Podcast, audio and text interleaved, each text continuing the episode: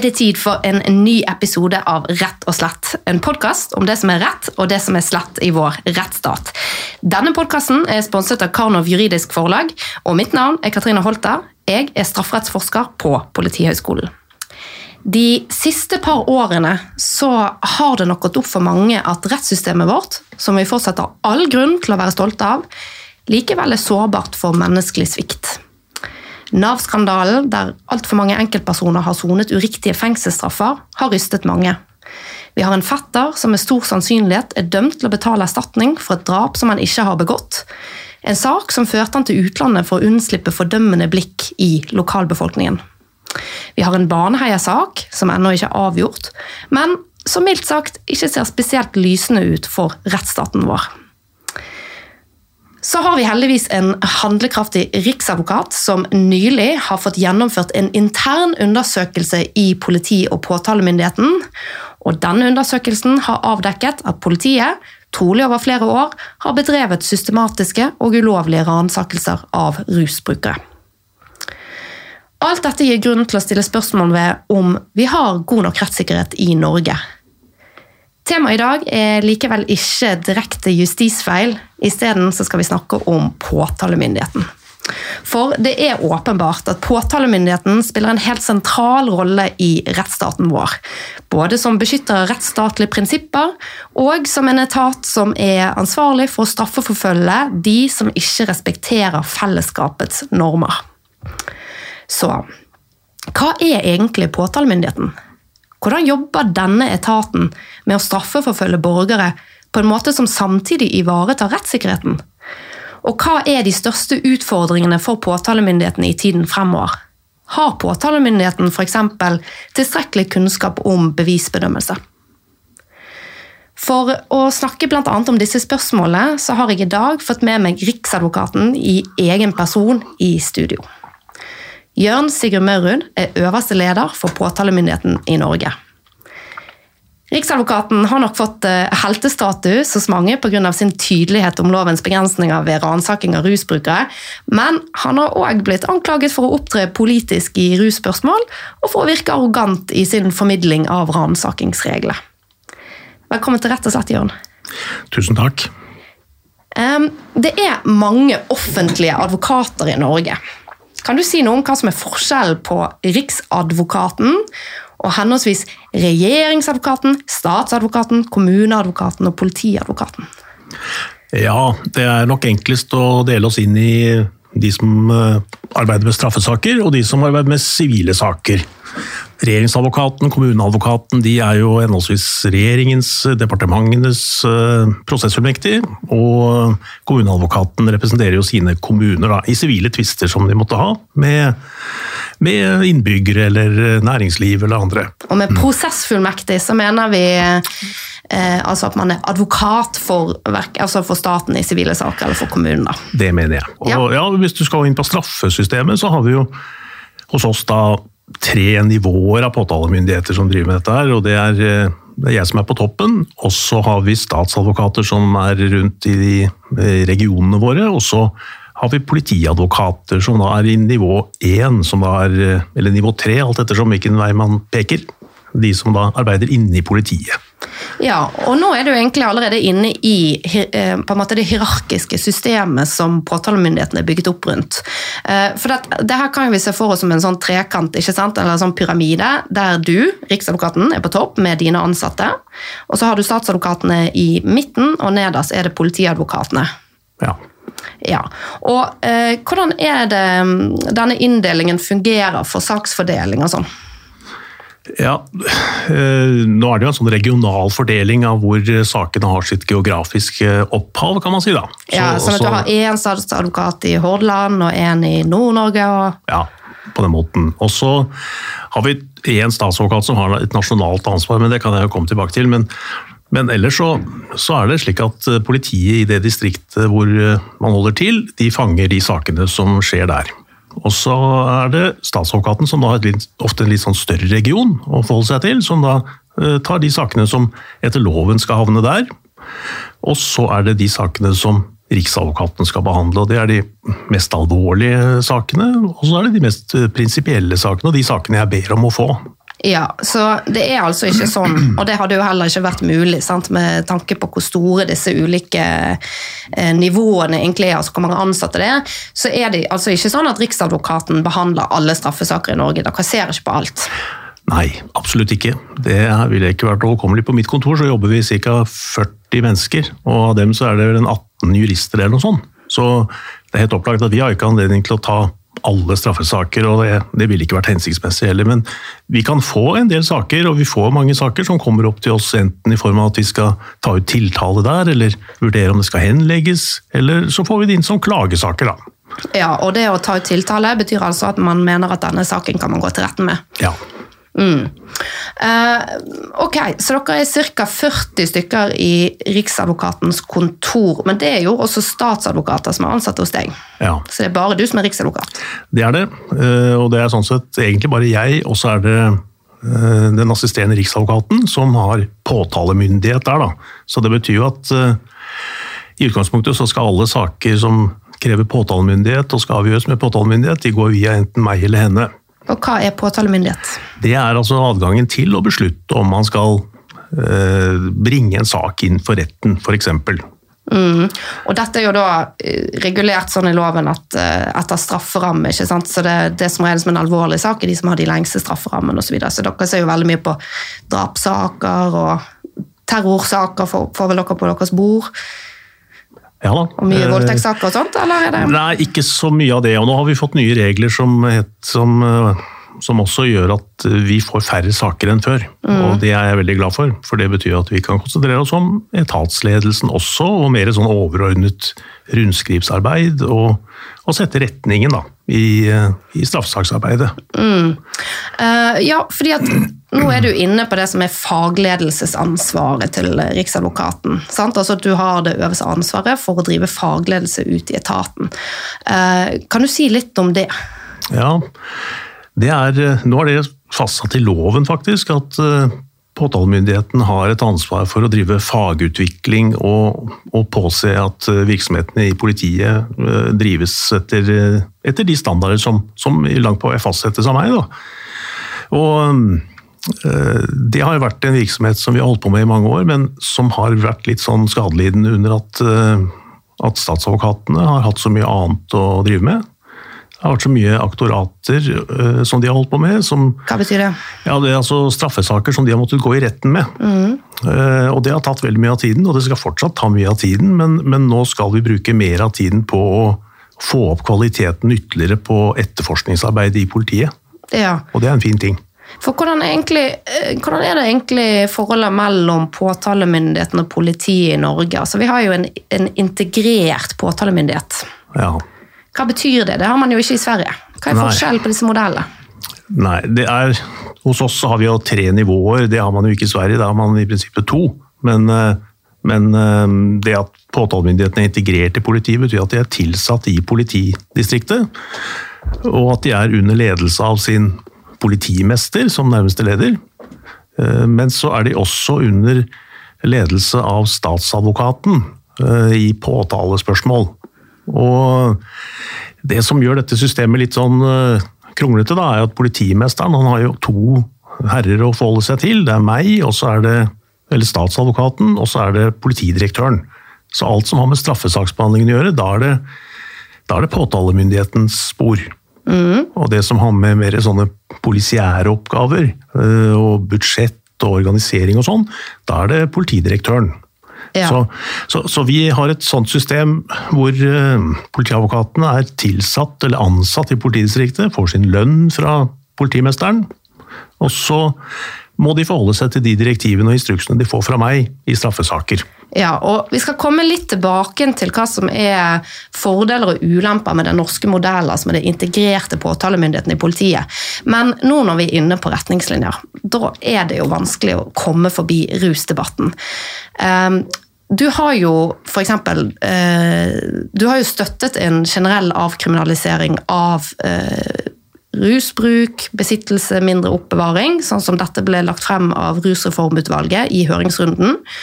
Eh, og så har du hatt en sentral rolle i å klargjøre de straffeprosessuelle reglene for ransaking av rusbrukere. Man kan vel si at uh, dette har blitt litt lunkent mottatt i deler av påtalemyndigheten og politiet. Hva tenker du om reaksjonene som har kommet? Ja, det har vært ulike reaksjoner, da. Eh, det må jeg si. Jeg, øh, jeg har nok vært mest overrasket over øh, engasjementet der ute i disse sakene. Og etter hvert så skjønner jeg jo at dette er jo saker som opptar veldig mange i min etat, og har gjort det i veldig mange år. Men det som har vært viktig for meg, er jo å formidle et, et budskap. Altså det er jo flere retningslinjer jeg har gitt ut her, og det er jo for det første det du pekte på, dette med bruk av tvangsmidler. Det, det kom i et brev 9. april i 2021. Og Tvangsmidler det er altså ulike former for ransaking. Husransaking, gå gjennom lommene dine, ja. Eh, gå gjennom mobiltelefon. Det er tvangsmidler. Det er tvangsmidler. Og i kjølvannet av denne rettspolitiske debatten om rusreform, så, så, kom det frem en del informasjon som kunne tyde på at dette regelverket ble, ble anvendt eh, på en måte som det ikke er anledning til. Og det ble jeg veldig egentlig ganske sikker på etter å ha hørt på en del av de uttalelsene som kom. Og ikke minst i høringsutspillet der det ble argumentert med at politiet ville miste verktøykassen sin. Ja, eh, og da var det viktig for meg å få, få formidlet hvordan gjeldende rett er å forstå, og hva man skal gjøre og ikke gjøre. Eh, så det som var hovedbudskapet for meg der, det var jo egentlig å formidle at vi skal ikke bruke unødig inngripende tvangsmidler i mindre alvorlige saker. Og bruk og besittelse av narkotika er helt uavhengig av rusreformen, så er det ikke alvorlige straffesaker. Mm. Dette er litt uh, gøy, fordi jeg, om dagen eh, så, så, har jeg holdt en del foredrag rundt omkring om uh, ransaking av rusbrukere.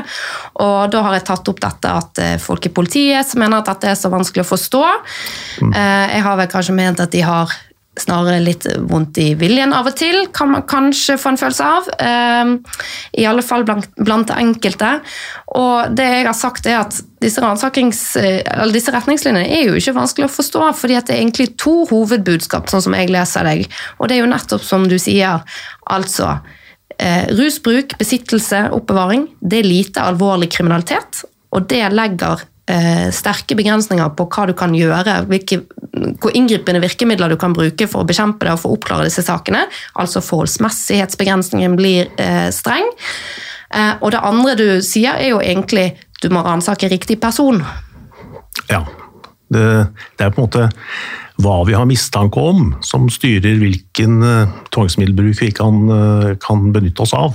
Ja, og da har jo eh, pensjonert eh, lagdommer Ivar Huitfeldt han har jo vist til en sånn salamipølseteori, der han vel mener at eh, salamipølsen det blir liksom en metafor for hele kvantumet av rusmidler. Uh, og han tenker vel som så at du kan på en måte ransake hele kvantumet. Uh, men uh, det stemmer jo ikke med straffeprosesslovens oppbygging og inndeling i at mistanken skal gjelde den du mistenker for en konkret straffbehandling. og at ellers er man over i en tredjepersonsransaking. Altså man ransaker en annen person enn den man egentlig mistenker. Ja, jeg oppfatter det litt sånn at at eh, den teorien han har sagt, den er jo en omgåelse av, eh, av reglene for tredjemannsransaking. Altså, ja. Man hopper liksom bukk over det. Ja, nei, jeg vet ikke, jeg har lyst til å kommentere det så mye. Jeg, jeg er jo ikke enig i det. Og, og, og, tenker at det opplagt er uriktig eh, forståelse av straffeprosessen. Det kan jeg si meg enig i. Hva tenker du om eh, anklager som har kommet fra ulike hold, eh, dels eh, fra politiet, men også fra kommentariatet, enkelte i kommentariatet, viktig å understreke, om at du har hatt en, eller opptrådt politisk i disse spørsmålene? Ja, jeg, jeg er jo veldig jeg føler jo i hvert fall ikke selv da, at jeg opptrer politisk i, i, disse sakene. Jeg er jo en embetsmann, jeg, jeg, leder en fagetat. Eh, men, eh, men, jeg har jo tenkt igjennom eh, om jeg har vært, sagt ting jeg ikke burde, eller har tatt, tatt ja, blitt, blitt, tatt til inntekt for, for politiske meninger som, som, jeg ikke burde, f.eks. Og jeg kan ikke se det. Altså, jeg har gitt uttrykk for, for det som jeg mener å ha bakgrunn for å mene noe om, og det er jo som leder av den fagetaten jeg leder Og, og med den erfaring og den kunnskap som denne etaten besitter, da, så er det jo opplagt uh, derfor vi blir bedt om å avgi råd til våre politiske myndigheter når de skal komme med forslag til nye, nye lovbestemmelser f.eks. Og da gjør vi det. Og det forventes av oss at vi skal gjøre også. Men det jeg jo erfarer, da, det er jo at uh, at det kommer litt an på hva slags politisk ståsted denne kritikken kommer fra. ikke sant? At hvis, uh, hvis man gir uttrykk for en faglig oppfatning som, som støtter opp under uh, et syn som fremmes fra et politisk hold, så, så vil det jo ikke komme en sånn kritikk. Mm. Så, så det har litt sammenheng med det, tror jeg. Ja, det, det, tror jeg kanskje du har rett i. Um, og også Høyesterett har jo fått kjørt seg her og blitt eh, kalt for å være politiske. Uh, men eh, det Høyesterett, for det Høyesterett gjorde før påske, var jo å avsi en avgjørelse der man kom frem til at uh, rusavhengige ikke lenger skal få en straffereaksjon for, for befatning med narkotika til eget bruk. Men det var jo da begrunnet eh, trygt i forarbeider til norsk lov, der eh, politikerne hadde gått sammen og signert på, alle sammen bortsett fra Fremskrittspartiets representanter, på at man mente det var svært lite hensiktsmessig å straffe rusavhengige, eh, selv om det her ikke endte ut i et formelt vedtak. Så jeg mener jo også at Høyesterett står veldig trygt i lovgiversignalet der. Ja da, jeg har absolutt ikke mistenkt Høyesterett for å opptre politisk i, i, denne saken. Eller Nei. disse sakene. Nei, Nei, men det er den andre som har da påstått dette her da med mer eller mindre urette, spør du meg. Um, ok, uh, vi skal litt tilbake igjen til uh, integreringen av påtalemyndigheten i politiet. Uh, vil du forklare litt hvordan, hvordan er dette her annerledes i Sverige? I Sverige så har man en en frittstående åklagermyndighet som eh, kommer inn i bildet når eh, ja, Egentlig ganske tidlig, eh, som regel. Hvis det er altså Når man begynner en etterforskning i Sverige, så, så vil åklageren komme inn. Men åklageren er jo ikke en del av, av det samme systemet. Og, så de leder ikke etterforskningen sånn som man gjør i Norge? Nei, Eh, de gjør ikke det, men, eh, men, i praksis så vil man jo forholde seg veldig mye til hva åklageren sier. Da, fordi det er jo åklageren som til slutt bestemmer om det skal bli noe sak ut av den etterforskningen. Og det, eh, så, så, jeg tror ikke forskjellen i praksis er så innmari store, altså. Mm. Sitter de på en måte på samme kontor, eller vet du noe om det? Nei, de gjør ikke det. De har egne kontorer, men åklageren vil jo veldig ofte tråkke inn og ut av politi, uh, politistasjonen, eller hvor det måtte være. da. Mm. Og I Norge så er det jo annerledes, da, for at du har politiadvokatene som jobber side om side med politiet. Ja, vi har et system hvor politiadvokatene formelt leder etterforskningen, og reelt også, i en del tilfeller, sammen med en sånn eh, politifaglig etterforskningsledelse også. Mm. Og det er jo fordi altså etterforskning er jo juridisk styrt eh, virksomhet, ikke sant. og, og og man skal jo påse at denne etterforskningen har en retning, sånn juridisk sett, som Ja, at man spør om det som er relevant for jussen, da. Ja. Mm, for eksempel, i avhør. Og det går helt fint, eh, selv om åklageren ikke er en del av, av politiet. Men, eh, men, hos oss så er det jo noen sånne praktiske sider ved dette som, som gjør at eh, ja, jeg tror de, Veldig mange syns det er en god ordning, fordi det, er, det bidrar jo også til, tenker jeg, at kvaliteten på etterforskningen kanskje blir høyere når man har jurister inne i etterforskningsledelsen på den måten. Mm, dere er tettere på underveis. Ja. Og så er, eh, er, det jo praktisk i den forstand at, eh, at, det er kort vei til beslutningene. Eh, ja, bruk av tvangsmidler, varetektsfengslinger. I andre land så må man jo av og til vekke opp en eller annen uh, sur åklagere midt på natta for å be om tillatelse til ting. og Det kan være vanskelig å få tak i folk, og alt det der, så, så sånne praktiske sider ved det. da. Men uh, kritikken av systemet har jo særlig gått på, på, at man kanskje blir for nær etterforskningen og etterforskningsresultatet. At, at man klarer ikke å holde den objektiviteten som forventes. Og det er en en utfordring som, eh, som, kanskje er der, og som Og i alle fall kanskje i de minste sakene, da, som ikke går via statsadvokaten? Ja, eh, og nettopp derfor så har vi jo i veldig mange saker hatt dette systemet hvor den endelige avgjørelsen fattes av noen som ikke har vært med i etterforskningen av statsadvokaten f.eks., og til slutt riksadvokaten i de aller mest alvorlige sakene. Men nå har vi jo fått en ordning hvor det vesentligste av straffesaker nå avgjøres i politiet. Altså det delegeres. Nederste nivå i pyramiden, ikke sant? Ja. Og det betyr at det da ikke sendes opp et nivå for påtaleavgjørelse? Nei, det gjør ikke det. Og Dermed så blir det enda viktigere at statsadvokatene får drevet sin fagledelse inn i politiet og får oversikt over hvordan disse sakene løses der. Ok, eh, Tror du at man kommer til å endre organiseringen av påtalemyndigheten i Norge? Altså, det har jo vært stemmer som tar til orde for det. Ja, ikke bare stemmer. altså Politiadvokatene har jo et landsmøtevedtak på at de skal arbeide for et eh, slags skille. Hvorfor ønsker de seg det? Ja, det ehm, Jeg tror nok det er flere grunner til. Jeg tror nok særlig altså Som fagforening så tror jeg nok de også er opptatt av om, om det kan bety noe for lønns- og arbeidsvilkårene deres. da.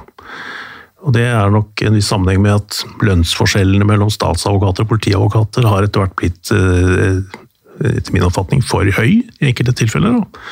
Men jeg tror nok ikke det nødvendigvis følger penger med eh, og lønnsmidler med en sånn deling. Men, eh, men man kan jo også tenke seg at eh, altså For meg, da, og det har jeg sagt egentlig lenge, for meg er ikke dette et veldig sånn hellig prinsipp at vi skal ha et system som vi har nå. Jeg tenker at Dette er et spørsmål om organisering mye, og det som er viktig for meg, er at vi har en uavhengighet. altså Påtalemyndigheten er uavhengig i enkeltsak. Det er jo det avgjørende prinsippet. Fra politikere. Ja. Sånn som vi ikke ser nødvendigvis i Polen for tiden. Nei, og som vi i prinsippet ikke har i nabolandet vårt Danmark heller. Ok, vil du utdype det? ja, nei nå, nå, tror jeg ikke det er et sånt uh, utpreget uh, problem, da, men, uh, men Riksadvokaten i Danmark er jo er jo underlagt justisministeren. Aha, så, så formelt sett så ja. er de ikke uavhengige? Nei. Men det er Riksadvokaten i Norge? Det er Riksadvokaten i Norge, i enkeltsak. Men altså, så uavhengig er jo ikke jeg heller. Jeg er jo avhengig av de politiske myndigheter, jeg også. Men du har ingen sjef? Nei, jeg har ikke noen sjef. Eh, eh, I hvert fall ikke i, i de enkelte straffesaker. Men, eh, men jeg må jo være lydhør for de politiske signaler som kommer, jeg også om hva som er eh, ønsket eh, innenfor kriminalpolitikken. Det må jeg forholde meg til. Hva Stortinget og regjeringen mener, det forteller de meg i altså budsjettproposisjonen, og det forteller de i tildelingsbrevet som jeg får med hvor mye penger jeg får, og, hva de forventer at jeg skal gjøre. Men eh, for å stille et spørsmål som kanskje noen lurer på. Hvorfor er det viktig at påtalemyndigheten er uavhengig av de politiske myndigheter? Jeg tror ikke det er så vanskelig å forstå det, altså, fordi det er eh, i, i, land hvor man har hatt en veldig sånn politisk eh, påtalemyndighet, så, så, har jo erfaringsmessig påtalemyndigheten blitt brukt for å bekjempe politiske motstandere. Og, og, og det vil vi jo absolutt ikke ha i et uh, demokrati. Og uh, det kan også være personlige bindinger eller andre ting som gjør at uh, at enkelte politikere eller medlemmer av regjeringen har særlig ønsker innenfor visse straffesaker, og så i så fall vil ha benyttet anledningen til å legge press på, på påtalemyndigheten eh, og politiet når det gjelder utfallet av den saken. da. Mm. Dette er en god venn av meg, så her, skal vi ikke, her er det fint om det ikke blir noe sak. Eller dette er en, en uvenn. Så, øh, og slike hensyn øh, skal vi ikke ta. Slike hensyn kan vi ikke ta. Og i henhold til loven nå, så, så, er det ingen som kan instruere oss heller, da. Nei, jeg tenker også at saken om uh, tidligere justisminister Wara og uh, Bertheussen, hans samboer, er jo et ganske tydelig bevis for at ikke vi har en politisk styrt påtalemyndighet i Norge. Ja, det er et veldig godt eksempel. Ja. Um, du har jo jobbet før som statsadvokat, altså på ett nivå under der du er i dag. Uh, og uh, i den forbindelse så fikk du i oppgave, å, oppgave å prosedere Orderud-saken i retten. Uh, det til tross for at du først innstilte på henleggelse i denne saken, hvis jeg har forstått det riktig.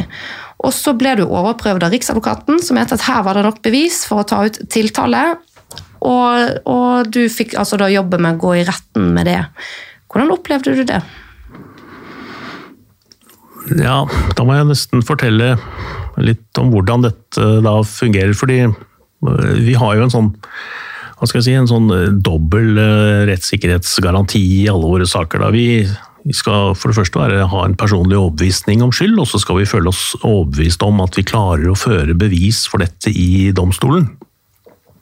Og Ja, Det er det som ligger, det er disse to vilkårene som ligger til grunn når man tar ut en tiltale. ikke sant? Ja, og så, så vi arbeider på en måte på samme måte, eller tenker på samme måte som domstolen skal gjøre. da. At uh, vi må være sikre på at vi får domfellelse før vi, før vi går i retten med en sak eller tar ut en tiltale.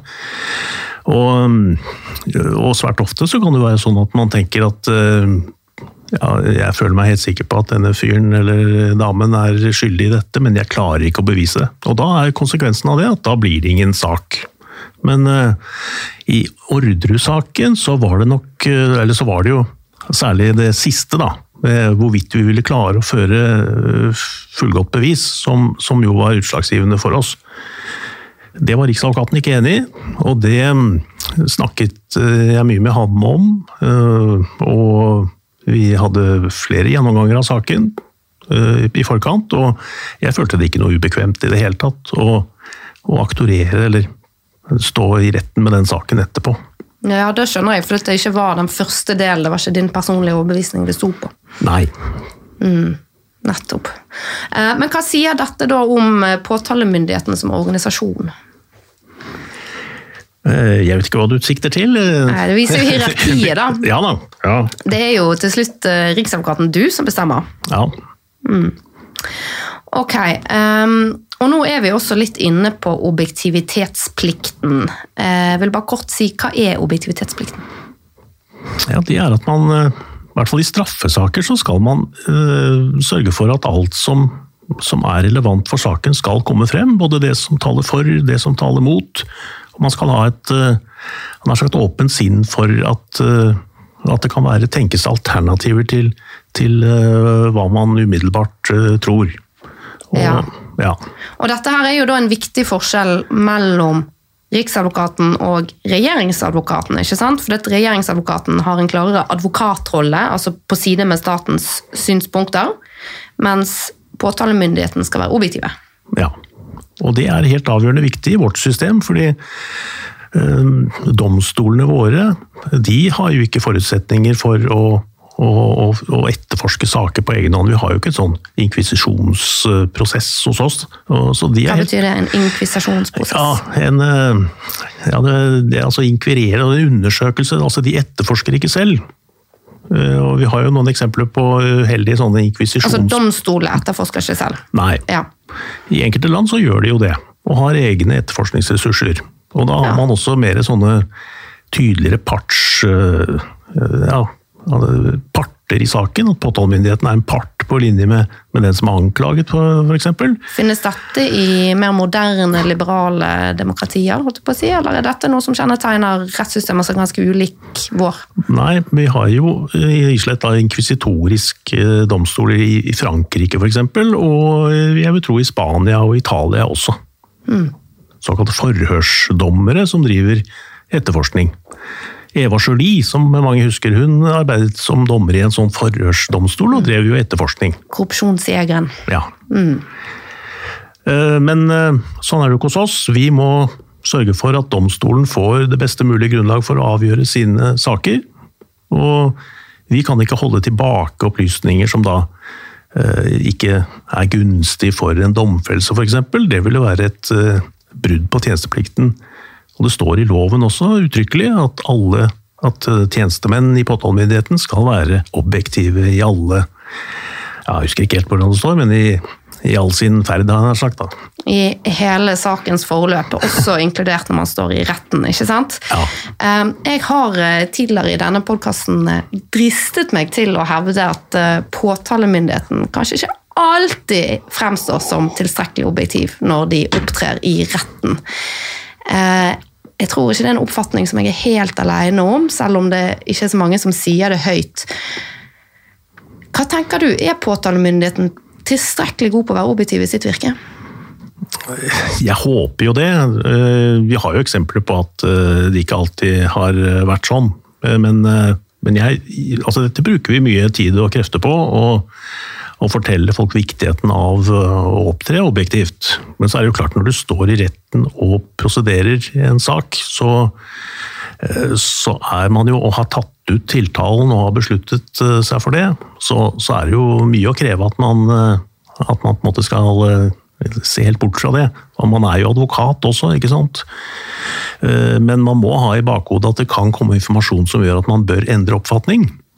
Eh, men jeg tror ikke det oppfattes som eh, en veldig sånn utpreget problemstilling som dukker opp, altså.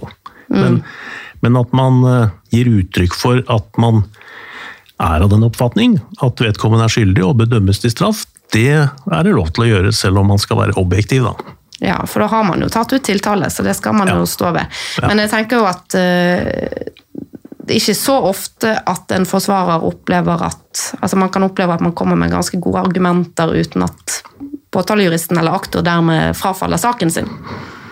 Ja da, eh, og det har vel sammenheng med at det argumentet ikke nødvendigvis er så godt som forsvareren tenker, da.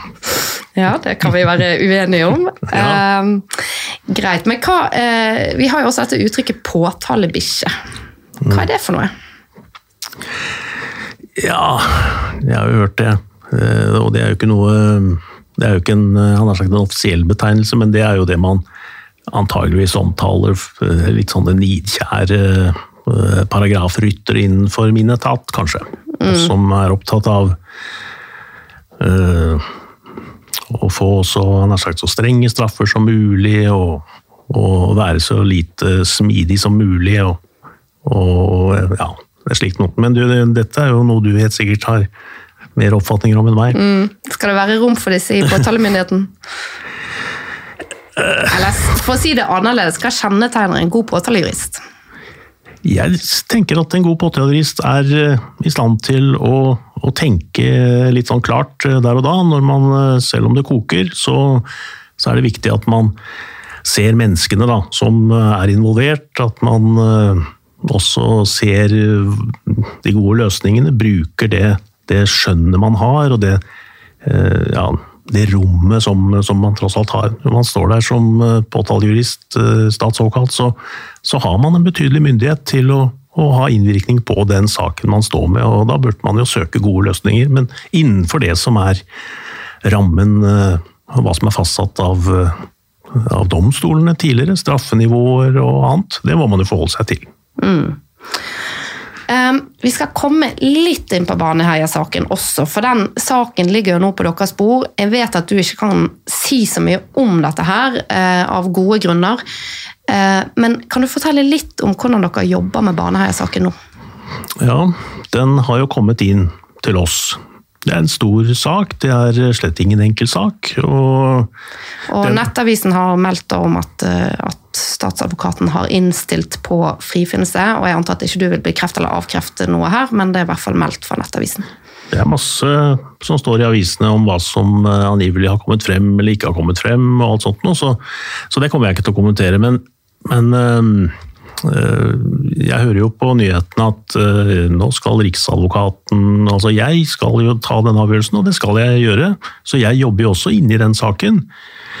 Men eh, hos meg er det, er det et, si, et, team som arbeider med den saken, og vi fordeler oppgaver innenfor den. For det er et stort materiale å sette seg inn i, mye vi er nødt til å, å, og vurdere skikkelig.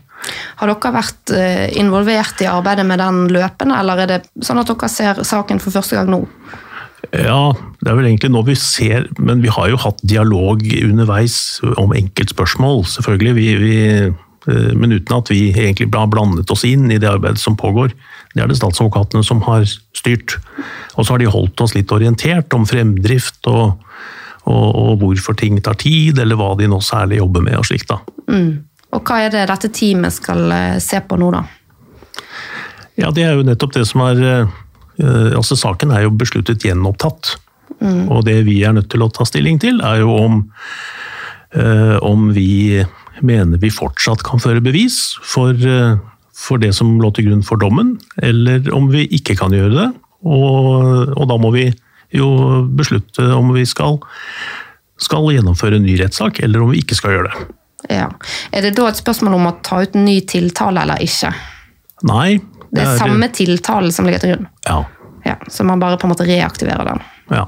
Um, når kan vi forvente en avgjørelse fra deres kontor, eller fra ditt kontor?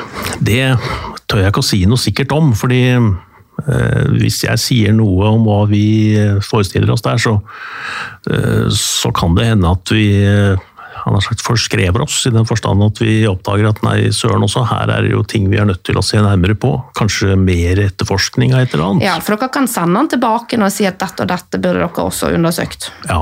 Hvis dere ser etterforskningsskritt som burde vært gjort. ja. Ja, Så den kan rett og slett få nye runder nedover i Det kan den. systemet. Ja. Ok, men eh, er, vi sånn, er er det snakk om måneder eller år? Uker, måneder eller år? Nei, altså jeg, jeg håper jo at vi blir eh, ferdig med denne saken, i hvert fall i god tid før årsskiftet. Ja. Ja, jeg håper det. Ja. Men jeg lover ingenting. Nei. Nei. I rapporten fra Thomas Quick-saken, som bl.a. Asbjørn Rachlew var med å skrive, så ble det tatt til orde for at eh, påtalemyndigheten bør skaffe seg bedre kunnskap om bevisbedømmelse, og at man i påtalemyndigheten bør utvikle mer systematiske metoder for dette. Eh, Og dette er jo en hjertesak for Asbjørn Rachlew, som han bl.a. også tok til orde for igjen nå i en artikkel, eller en kronikk i VG nå nylig. Er påtalemyndigheten gode nok på bevisbedømmelse? Ja, det er et godt spørsmål. Vi eh, Fordi her er det viktig å bare presisere at vi skiller jo da mellom dere har to oppgaver. Dels driver dere med juss sant, og tolker regler, og dels driver dere og tolker bevisbildet Ja. i en sak. Nei, det er flere sider av det spørsmålet der som jeg syns er, eh, som er viktig å, å fokusere på. og det er jo en ting, Har vi en slags systematisk tilnærming til hvordan vi veier bevis opp mot hverandre? F.eks. slik som Asbjørn Rakløv er inne på. Vi har ikke en sånn utdanning i dag. Eh, vi- og bare, jeg beklager, men bare til lyttere, jeg glemte å nevne at Asbjørn Rakløv er altså da Norges fremste avhørsekspert og ansatt på Politihøgskolen. Han har vært med i denne podkasten i flere episoder tidligere og tatt til orde for dette der. Ja. Ja.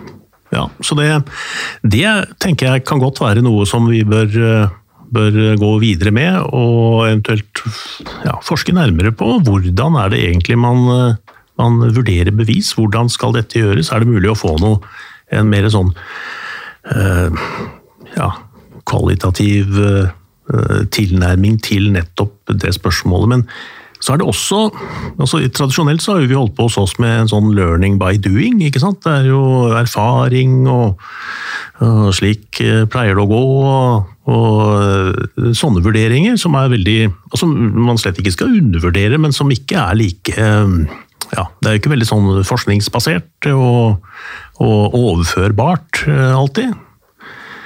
En annen utfordring vi har nå for tiden, det er jo at man kan stille spørsmål ved om vi er gode nok på å forstå de bevisene vi har. da, fordi eh, Nå for tiden så er det jo betydelig grad av eh, altså elektronisk innhentet bevismateriale. Masse, masse ja, digitale bevis, eh, ikke sant. Og mm, det vi også må vite en del om, er jo hva er mulige feilkilder i, i slike materialer. Mm, det har bl.a. en forsker på Politihøgskolen eh, som er politiutdannet, Nina Sunde, har skrevet en doktoravhandling om dette som nylig er levert. Ja, Eh, Og Det er kanskje et tema som vi må komme tilbake til i denne podkasten senere. Altså feilkildene i elektroniske bevis, for det tenker man jo at er så objektivt og til å stole på, men det er det kanskje ikke? Eh, Nei, det har jo vist seg at det ikke er.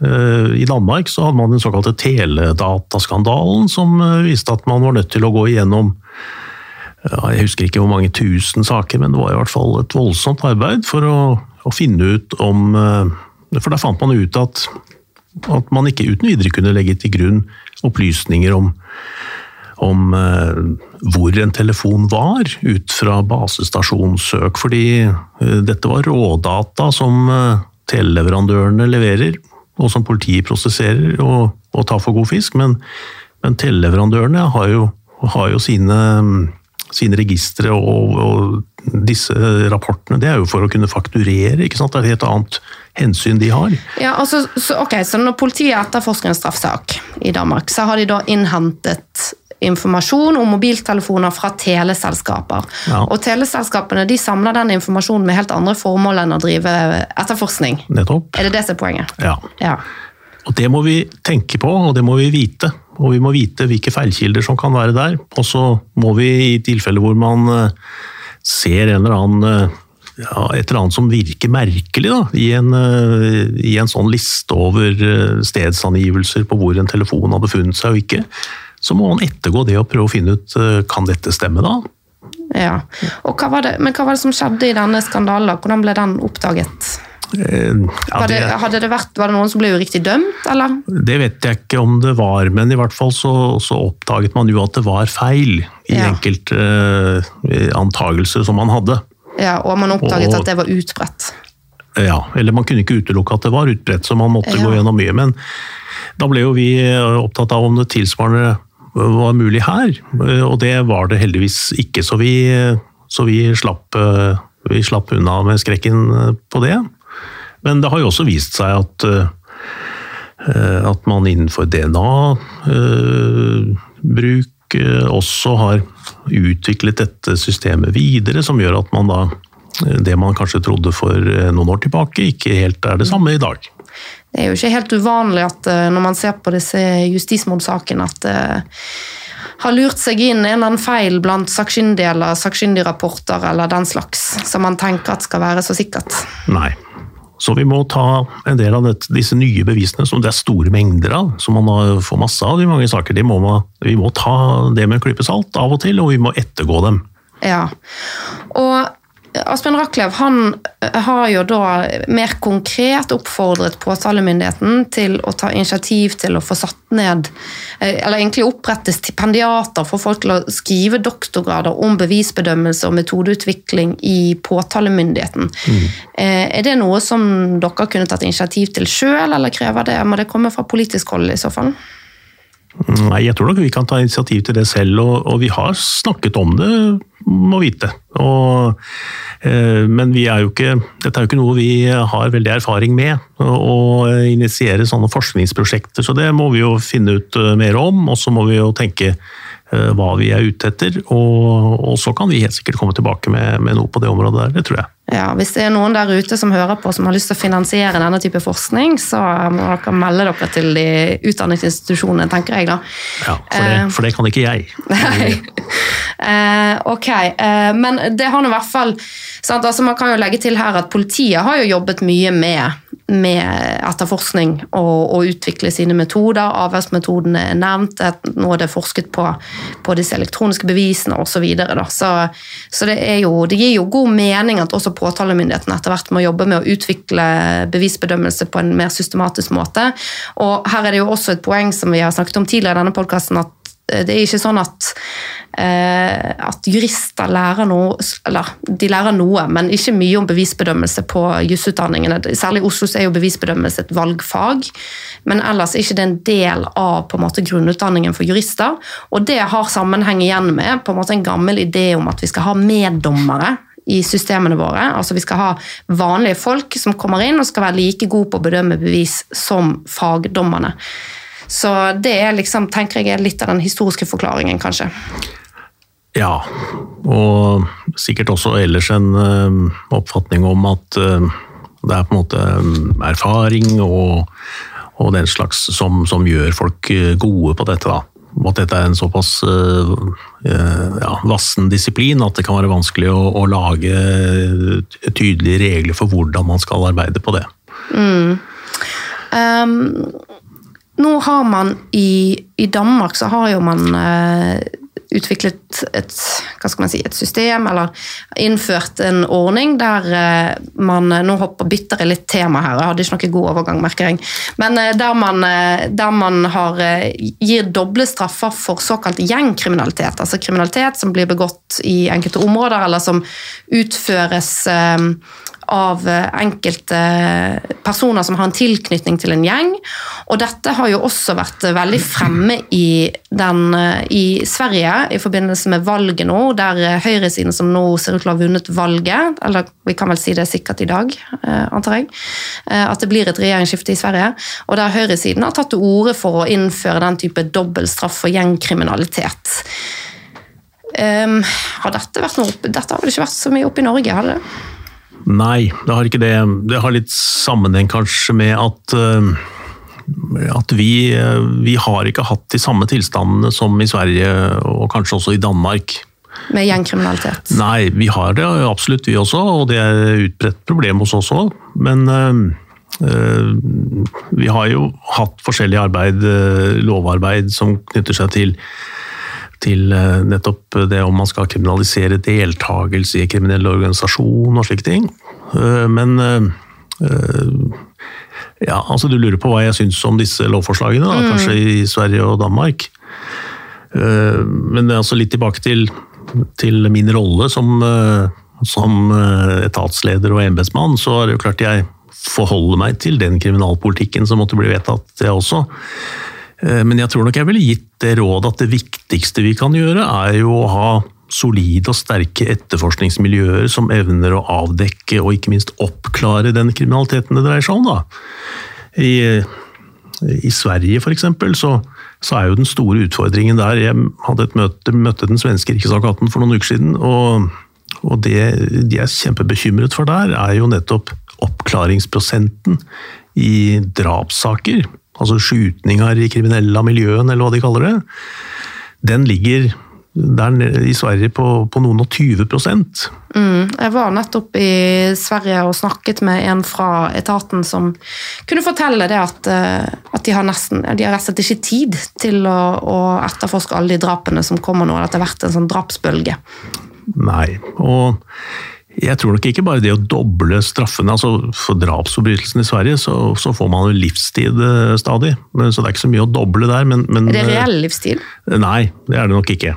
Nei. Jeg, jeg vet ikke, nei. nei men, eh, men, de opererer med en litt sånn tidsubestemt avslutning på det. Ja. Men, men, i hvert fall, det er bare det å doble straffene i seg selv vil ikke nødvendigvis gjøre noen endring, tenker jeg. Med mindre man også evner å å avdekke og oppklare kriminaliteten og iretteføre sakene mot de det gjelder. Det, det, tror jeg er det viktigste vi kan gjøre. Og om man da tenker at straffene for de man da oppklarer for, at de må opp f.eks., så, så har ikke jeg noen sterke meninger om det. Men, men, det aller viktigste er nettopp det, altså. Og jeg har inntrykk av fra debatten i Sverige nå at uh, her er det spørsmål om å, å, å, vise en form for handlekraft i at man dobler straffene for visse mm. typer forbrytelser. Mm. Uten at man egentlig tar med seg resten av bildet der, da. Ja, fag, og det er viktig. Ikke sant. Fagfolk som jeg har snakket med i Sverige, jo, sier jo også at eh, de tror at dette kan bli en slags kamp mellom systemet og politikken, og de tror at systemet går seirende ut. For de mener det blir et fremmed element i systemet der. Ja, det kan være. Eh, men for å fortsette med litt andre utfordringer her i Norge. Altså, du nevnte vel Du var på NRK på Politisk eh, kvarter, var det det? Nei. Ja, Sommerkvarteret var det. Sommerkvarteret er det, i, ja, i sommer. Eh, og da nevnte du økonomisk kriminalitet som et felt der som er noe som er en utfordring for påtalemyndigheten fremover. Ja, det er det. Og det er en utfordring for ikke bare påtalemyndigheten, men for politiet i det hele tatt. Da. At vi, vi mm, har betydelig eh, samfunnsskadelig aktivitet der ute i form av økonomisk kriminalitet, i form av ja, særlig arbeidslivskriminaliteten, vi, eh, ja, miljøkriminalitet. Altså vi har områder hvor vi rett og slett eh, ikke evner å få de sakene frem. Og selv om vi vet at de fins eh, rundt omkring i hele landet. Hva er grunnen til det? Ja, Det har noe med både kompetanse og det har noe med oppmerksomhet mot feltet å gjøre, tror jeg. Eh, vi er veldig Jurister er liksom ikke kjent for å være så veldig glad i tall? nei, det, det er jo noen av dem også. og Dessuten så så tror jeg det er mulig å få opp engasjementet på dette feltet. Og det er jo det jeg jobber litt med nå, da, å få opp engasjementet på, på dette området. Og det må vi frigjøre tid til. Uh, og vi må få statsadvokatene og de er motivert for det, å få politidistriktene på banen når det gjelder å, å, forfølge denne typen saker også. Men, men, det er et litt sånn langt lerret å bleke, for mange av politidistriktene er ikke rigget for å, for å, ta tak i dem. Nei, og så har jo vi Økokrim, sant? men de kan ikke ta alt. Nei, er det sånn? Det er sånn. Økokrim bistår veldig i mange saker, men, men du har du må ha forutsetningene for å kunne ta fatt i litt større etterforskningsoppdrag, og, og, kanskje velge deg ut noen slike saker. Og da tror jeg hvis vi får kompetansen opp, engasjementet opp, så vil også resultatene følge med, tror jeg. Mm. Uh, siden jeg har uh, kommet med bitte lite grann kritikk av påtalemyndigheten i denne episoden, så har jeg også lyst til å komme med skryt. Uh, det er andre som som har mer erfaring med påtalemyndigheten enn meg, men jeg har jobbet litt som forsvarer. Jeg må si at En av de tingene som jeg syns preger etaten, er jo at den er utrolig effektiv. Altså, Man får til så mye med ganske lite ressurser. Eh, nesten helt imponerende. Det å forholde seg til som advokat til påtalemyndigheten sammenlignet med f.eks. helsevesenet, det er dag og natt, altså. Så hyggelig. Ja, må jeg si. Ja. Ehm, vi nærmer oss avslutningen, eh, men ehm, før vi kommer til den avsluttende spalten, så har jeg lyst til å spørre deg om hva som er de vanskeligste avgjørelsene du tar i din jobb? Ja, Det er jo opplagt uh, i straffesakene.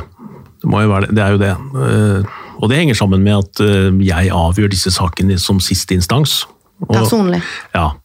Og um, jeg vet jo... Ja, For det er ditt navn som står nederst på alle avgjørelser som kommer fra Riksadvokaten, er det ikke det? Pluss en saksbehandler på høyresiden der. Ja, og, og, eventuelt uh, den som jeg har delegert uh, denne myndigheten til, da. Og det er flere nå. Uh, men, men det er på en måte jeg som er leder for embetet, og, og det er jeg som står ansvarlig for nær sagt alt som foregår der. Det, Holder det deg våken om nettene? Nei, det gjør jo ikke det. Mm. Ikke sånn eh, jevnlig, men i hvert fall det er veldig viktig for meg at jeg føler at det jeg gjør er riktig. Da. Eh, fordi det betyr så utrolig mye for de som er involvert, og det er enkeltmennesker som er involvert i alle disse sakene. Og, og innimellom så må man minne seg selv om det, altså.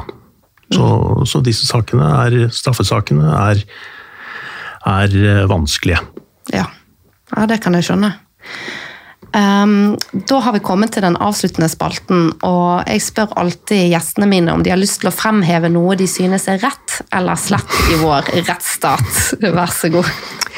Nei, vet Du hva? Jeg, du innledet jo med å si at uh, vi har et fantastisk flott rettssystem i Norge, og det syns jeg vi har. Vi uh, har all grunn til å være veldig stolte av uh, hvordan vi har innrettet oss på det området. Og så, så gjør vi feil, ikke sant? Og, det er og vi vet vi kan bli bedre på enkelte områder. og det, det, er viktig at vi hele tiden tenker jeg, arbeider for det. At vi evaluerer oss selv, at vi, at vi prøver å forbedre oss. Men, men, men, at noe er eh, slett i vår rettsstat, det, ikke, det, det syns jeg faktisk ikke.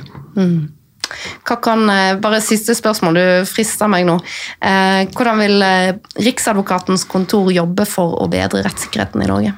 Ja, Vi gjør det hele tiden. Vi, vi, vi arbeider jo nettopp med det gjennom vår fagledelsesaktivitet. At vi, vi, gjør eh, etterforskningen bedre, at vi setter folk i stand til å arbeide mer effektivt, og at vi er opptatt av rettssikkerheten for den enkelte. Det er, eh, det er veldig viktig for oss, og det, det jobber vi med.